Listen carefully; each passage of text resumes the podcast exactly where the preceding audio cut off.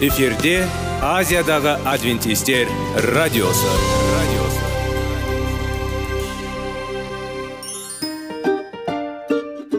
сәлем достар.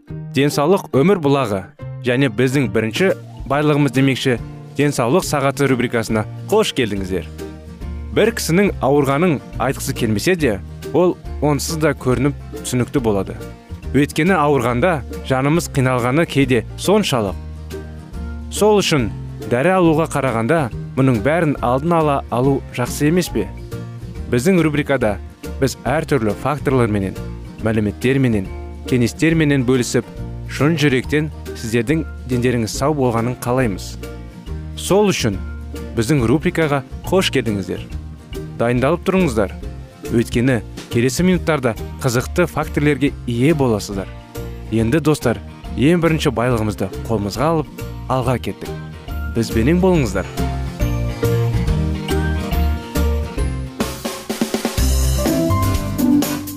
Денсаулық туралы хабар.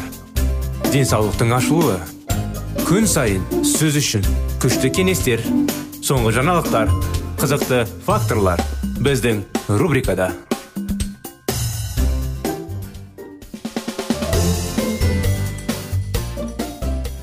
Сәлем достар құрметті біздің тыңдаушыларымыз мінекей біздің денсаулық бағдарламасына қош келдіңіздер.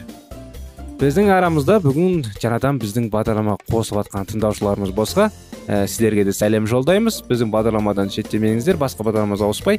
Біздің бағдарламада әрдайым қызықты тақырыптар ә, факторлер зерттеп бірге талдаймыз әңгімелесеміз диалогтар естиміз кеңестер аламыз сондықтан қазір біздің соңғы уақытта бірге талдап бірге қазір келе салып жүрген тақырыптарымыз пайдалы әдеттер жайлы.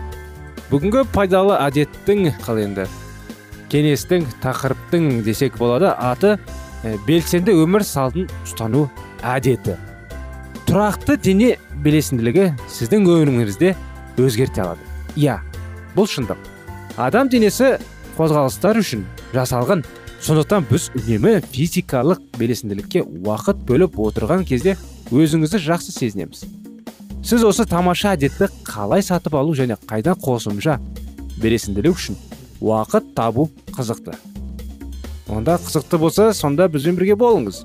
Неге белесінде өмір салтын жүргізу үшін жүргізуіміз керек. Сіз өз денеңізден бұрын армандаған бонустар аласыз.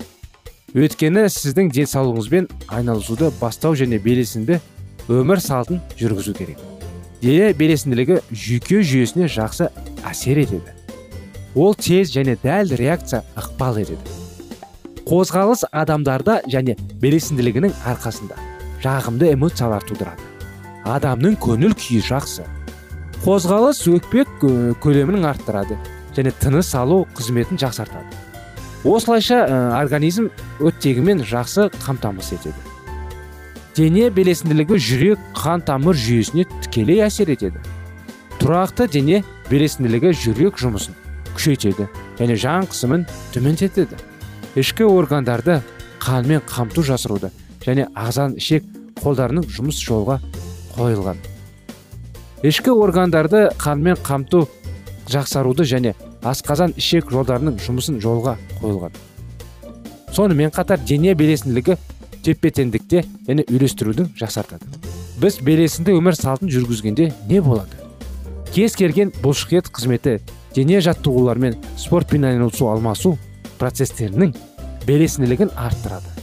Ағзада зат және энергия алмасуды жүзеге асырады. Механизмдерді жаттықтырады және жоғары деңгейді қолдайды. Бұл адамның ақыл ой және физикалық жұмысқа қабілеттігіне әсер етеді. Физикалық жаттығулар мазасыздықты төмендететін және жеңіл қуаныш сезім тудыратын нейромедиаторлардың шығарылуын ынталандырады. Белсенді өмір салтын жүргізбесең не болады? Дене белесінділігінің жеткізілдігі жеткізілсіздігі зат алмаусының және қан айналымының бәсеңдеуіне алып келеді. Сол арқылы күйген калория саны аяз азаяды олардың артықтарына май түрінде қалдырылады. Отыратын өмір салтының ең ауыр салдарының бірі жүрек қан тамырларының ауруларының мысалы жүректің ишемиялық ауруын немесе созылмалы гипертония дамуының жоғары қаупі болып табылады. Дене салмақтың салмағының жеткізілдігі кезінде дене бұлшық еті әлсіз болады. Бұл күнделікті тапсырмаларды орындау қабілетінің төмендеуіне әкеледі. Отырғыш өмір салты арқа үшін зиянды және уақыт өте келе арқа проблемаларына әкелуі мүмкін. Себебі омыртқаны қолдайтын бұлшық еттер де әлсіздейді не істеуіміз керек сонда? Белесінде болудың көптеген қызықты жолдары бар. Күніне 15-20 минуттан серуендей бастағаныңыз жөне бір бүтін оннан бес үш километр бір жарым қалай енді грубо айтқанда бір жарым үш километр. Мысалы өз ауданның айналасында жүріңіз. Жай ғана жүргеннің өзі қандай керемет. Бірнеше аялдамаларды жүрудің орнына жаяу жүріңіз. Кейбір адамдар расында да бір екі аялдаманы жаяу жүрудің орнына көлікпен болмаса автобусқа мініп барады. Расында егер де мүмкіншілік болса ертерек шығып кішігірім жаяу жүрсеңіз ол пайдалы ғой егер жұмыста көп уақыт отырсаңыз жоғары үстел үстінде тұрып жұмыс істеу немесе мүмкін болған кезде жұмысыңызды осы қалпында тұру және орындау туралы ойланыңыз. Егер сіз міндетті түрде отырмасаңыз тұрыңыз және тұрыңыз. Ең алдымен сіз күн соңында сіздің энергия қаншалықты көп байқайсаңыз және неғұрлым шаршаған қарағанда жақсы сезінесіз. Сіз тіпті белсенді өмір салтын бастау үшін үйден шығудың қажеті жоқ. Сіздің бұлшық ә, созу және босанысту үшін сізге қолайлы жеңіл жаттығу циклін табыңыз ыңғайлы уақытта немесе әдетте белсенді емес аралықты таңдаңыз.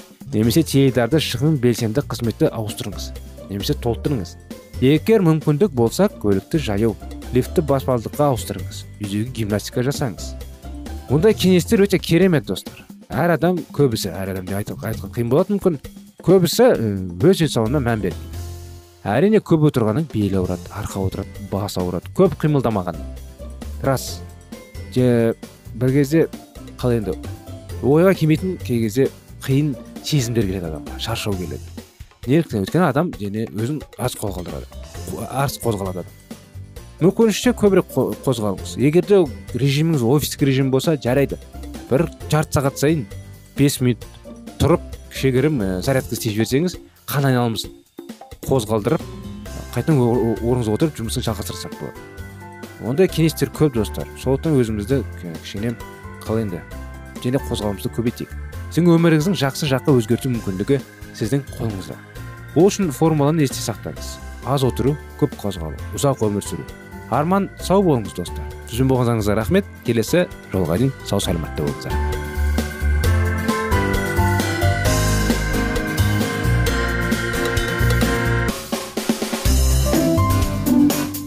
Денсаулық туралы хабар.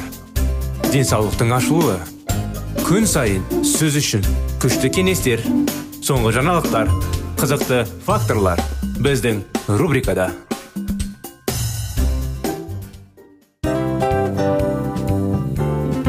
әуелі байлық денсаулық екінші байлық он саулық үшінші байлық ақ жаулық ал енді осындай радио парақшадан кейін не дейміз барлықтарыңызға денсаулықтарыңыз зор болсын деп тілейміз денсаулықтың өзгеруі кішкентай нәрселерден басталады. Осымен біз берген кеңестер мен мәліметтер шын жүректен сіздер үшін қандай да бір болсын жәрдем берді деп үміттенеміз. Әрбір адам үйіндегі тамақтан бастап үйдегі денсаулығынан бастаса қазақ елінің келешекте денсаулығы өзгеріп жақсы жаққа бұрылып ен сау саламатты күшті елдерінің бірі боламыз. Бізде сіздер үшін бұдан да көптеген сюрприздеріміз бар. Әлі де алдымызда қызықты мәліметтеріміз бар. Сондықтан сау саламат болыңыздар. Тыңдаушыларымызбен келесі радио парақшасына дейін қоштасамыз.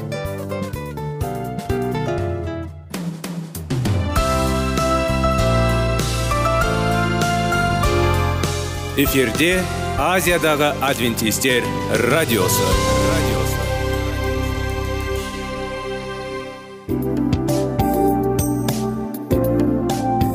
Сәлем достар барлықтарыңызға біздің сүйікті шын жүректен сөйлесейік рубрикасына қош келдіңіздер деп айтпақшымыз. Негізі шын жүректен сөйлесейік рубрикамызда не жөнінде айтамыз? Шын жүректен сөйлесейік бағдарламасы әртүрлі қызықты тақырыптарға арналған. Махаббат деген биік тас оған ешкім жете алмас жетеді оған екі жас дегендей. Шындығында шын жүректен сөйлесейік деген сөздің мағынасы екі достың екі адамның екі жастың арасындағы шын жүрекпен сөйлесуі бір біріне сенуі ашықтық пен шындықты білдіреді. Сол үшін біздің бағдарламаларды үзбей бізбен бірге болып тұрыңыздар. Әртүрлі қызықты тақырыптарды сіздер үшін арнап дайындағанбыз. Дайындалыңыз жаңа қызықты мәліметтерге ие болуға. Ондай болса кеттік.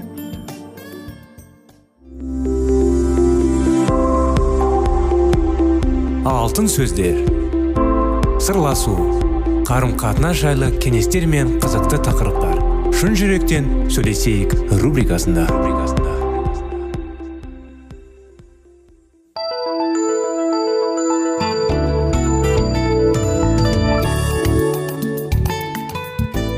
Сәлем достар құрметті біздің тыңдаушыларымыз. Мінекей шын жүректен сөйлесейік бағдарламасына қош келдіңіздер. Естеріңізде болса біз қазіргі уақыттарда сіздермен бізге сіздермен бірге шектеулер жайлы тақырыпты әрине кітапты сіздермен әңгімелеп жүрміз. Сондықтан келесі тарауға келген едік үшінші тарауға ары қарай кеттік. Нақты белгіленбеген кедергілерге байланысты қиындықтар. Бірде біз тұлғалар арасындағы кедергілер тақырыбына қатысты бір күндік семинар өткіздік. Сонда бір әйел қолын көтеріп өзімнің шектеулерді ората білмейтінімді түсінемін. Бірақ үйдегі бар ақшаны алып өзге әйелге кетіп алған күйеуім ғой. Қазір ол бізден бөлек тұрады. Сонда оның басында бұл қиындықтар жоқ па деп сұрады. Бұл мәселеде түсінбеушілік оңай туындайды. Бір қарағанда өз аумағына шекара орната алмайтын адамның жағдайы нашар секілді болып көрінеді. Бірақ өзгелердің шекараларын мойындайтын адамдардың бастарына қиындықтар бар. Бұл шектеулерін дұрыс қоя алмады. Ал күйеуі оларға құрметпен қараған жоқ. Бұл тарауда біз жеке тұлғалық шектеулерге байланысты негізгі қиындықтарды қарастырамыз соның арқасында сіз өзіңіз үшін қорытынды шығара аласыз. Нақты белгіленген шекаралардың көрісінен ішкі және сыртқы қақтығыстарға душар шектеліп қалмайтынына сөзіңізді жеткізесіз. Көнгіштік жаман нәрсе иә деу. Бір нәрсені мойындама бола ма? Бірақ бұл аздап ыңғайсыздау нәрсе деді кезекті келушілердің бірі роберт.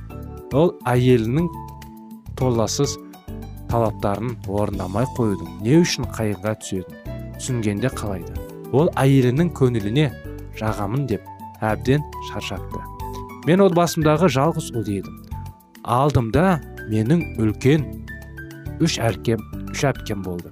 Біздің отбасында балалардың арасындағы төбелестерге бір түрлі қызық қарайтын деп басталды әңгімесін роберт.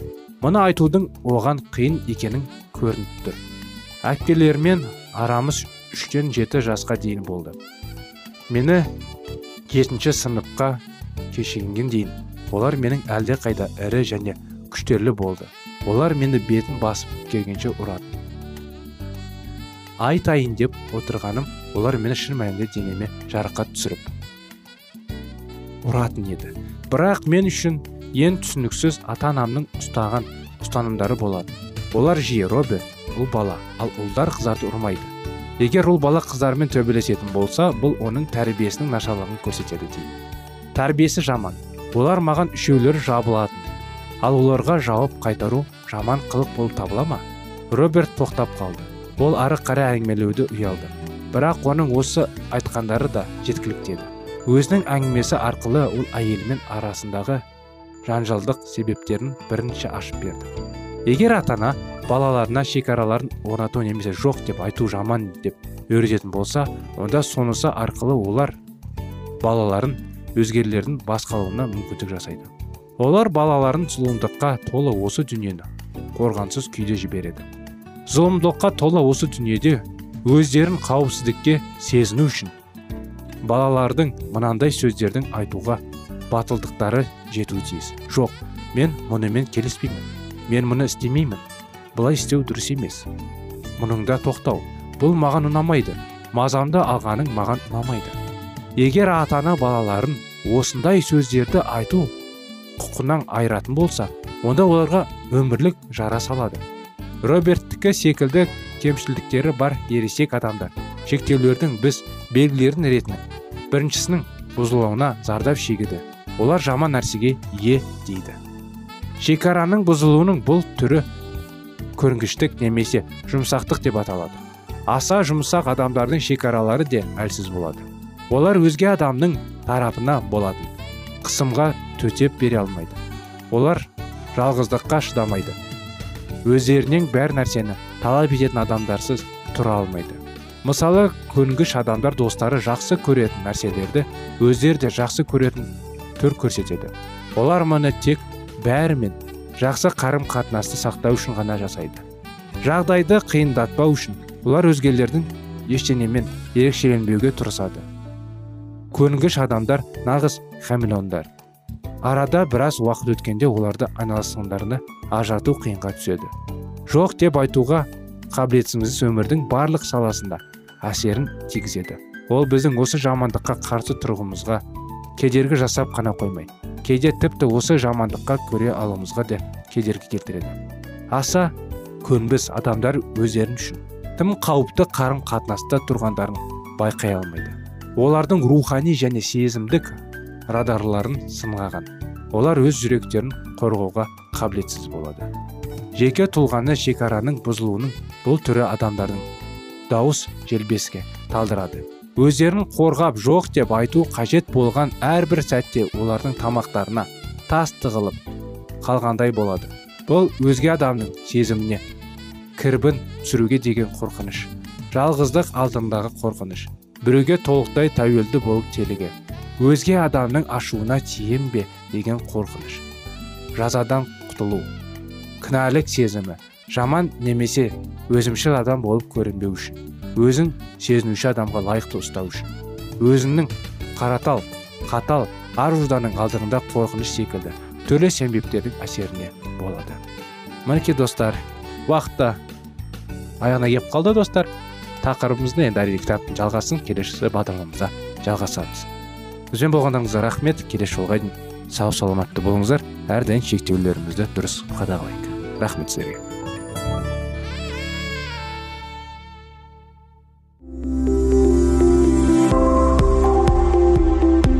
алтын сөздер. Сырласу. Қарым қатынас жайлы кеңестер мен қызықты тақырыптар. Шын жүректен сөйлесейік рубрикасында.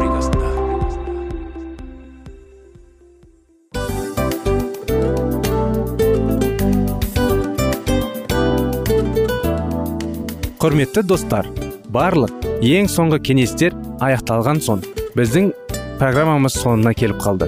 Осы біздің мәліметтер осы рубрикада айтылған әрбір сөздер сіздерге өзінің қандай да бір пайдасын алып келді деп шын жүректен сенеміз. Және бұдан да көптеген рубрикаларымыз бар.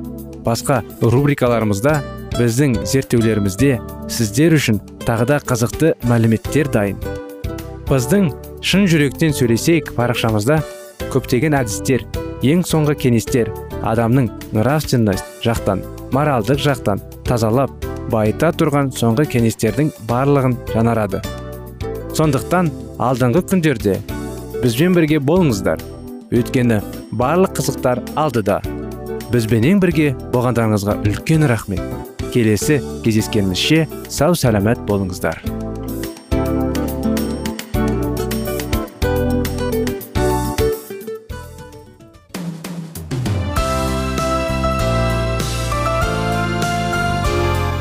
Эфирде азиядағы адвентистер радиосы. Радиосы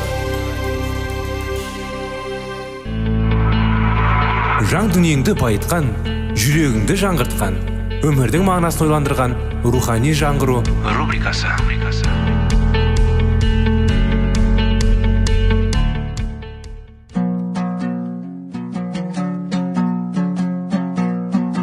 Ассалаумағалейкум біздің тыңдаушыларымыз. Келі кітаптың шындығын ашып берген қысқа бағдарламасына қош келдіңіздер. Барлығынан жоғары жаратушы біздің қарыңғылықта жалғыз қалдырып қойған емес.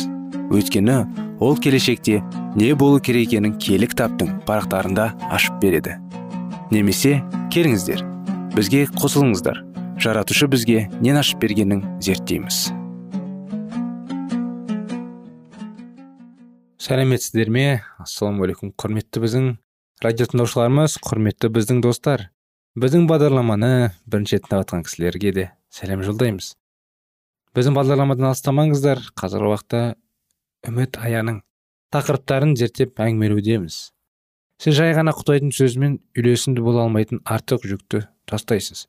Сіз ақиқаттың толымдылығына алға басасыз шындықты табу кезінде шындықты үйрететін шіркеуді іздеңіз.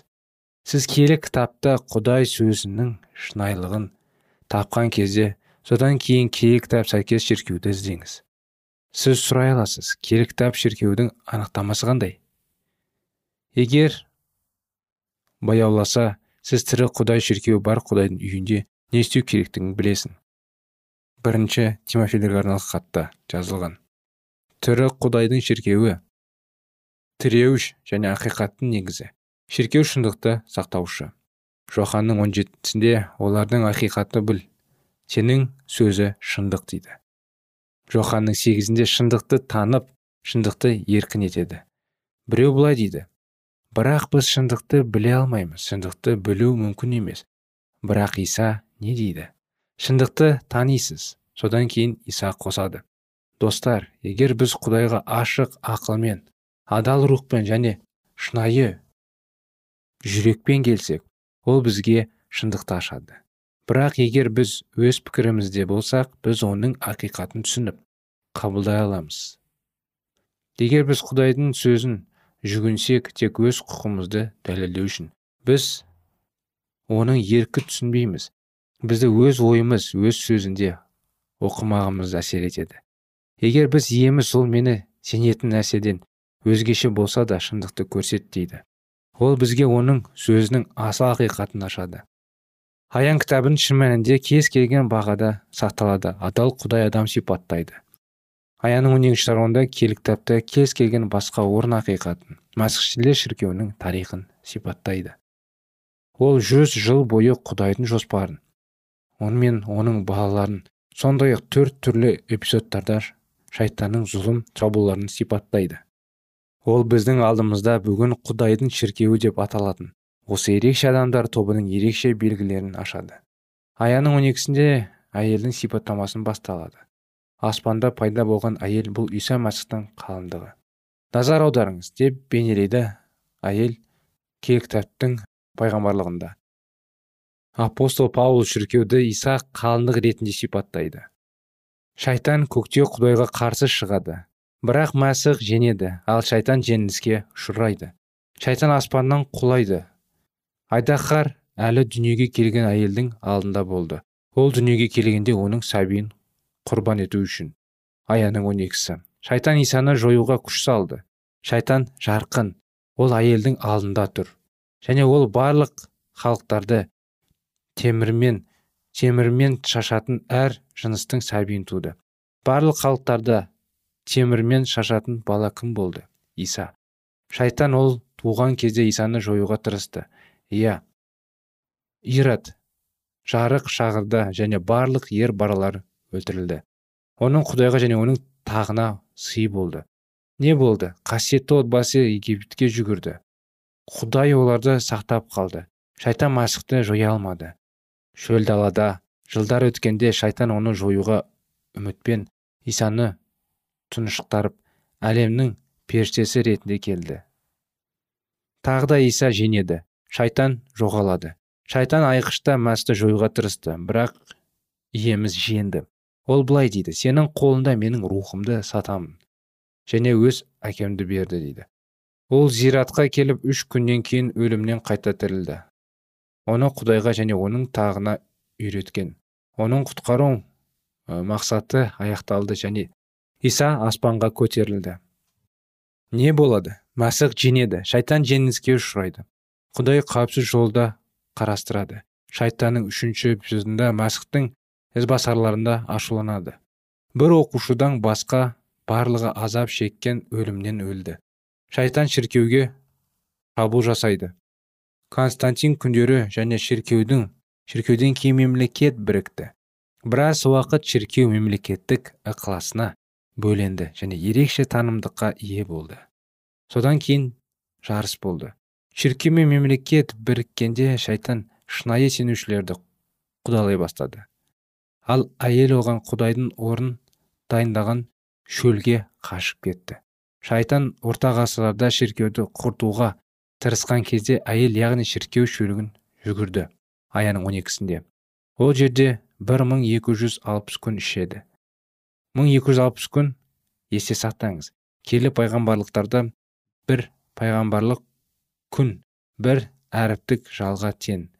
Езекелде осылайша шіркеу 1260 жыл шөлде болды.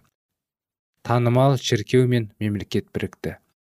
Алдыңғы дәрістерде қалай зерделік қараңғы ғасыр 530 жылы басталып 1798 жылы аяқталды. Осы уақыт кезеңінде шынайы құдайдың шіркеуі шөлде болды. Құдайдың адал күйеулері мен әйелдері құдай сөзінің ақиқатын сақтады. Реформаторлар өз сенімін үшін қуанды. Тіпті осы уақыт ішінде құдайды ақылдары құдайдың сөзінің ұстанымдарымен жазылған адал ер адам мен әйелдер болды. Аяның он екісінде мәсіх шіркеуін жоюға тырысады ма? Жоқ мәсіх женеді шайтан жеңіліске ұшырайды.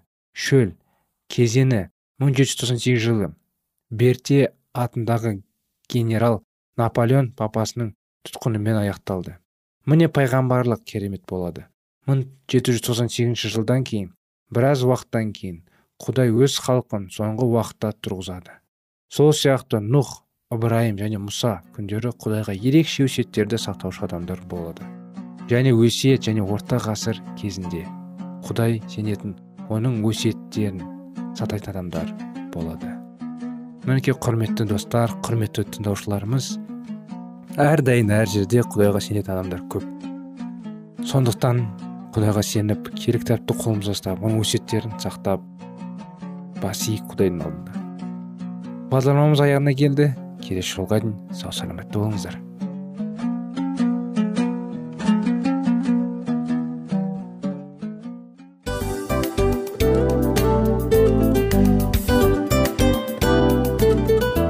Осымен достар программамыздың зерттеуіміздің ең қайғылы минутына жеттік. Қайғылы дегенде бағдарламамыз тез арада өтті де кетті. Соған көңіліміз түсейін деп тұр. Жарайды қайғыны қояйық бүгінгі 24 сағаттың алтындай жарты сағатын бізге бөліп арнағаныңыз үшін рахмет.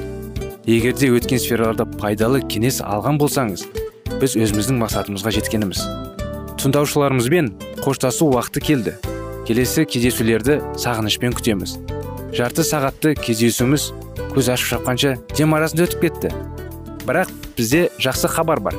Келесі зерттеулерімізде сөзсіз кездесеміз. Өйткені көптеген сюрприздер қызықты мәліметтерді және керекті нәрселерді көбін дайындадық. Бүгінгі күндеріңіз өзгеше позитивті болсын. Жақындарыңыз аман есен болсын деп тілейміз. Жаратқан ие барлықтарыңызға батасын берсін. Істеген істеріңіз игілікті болсын. Келесі кездескенше сау саламат болыңыздар.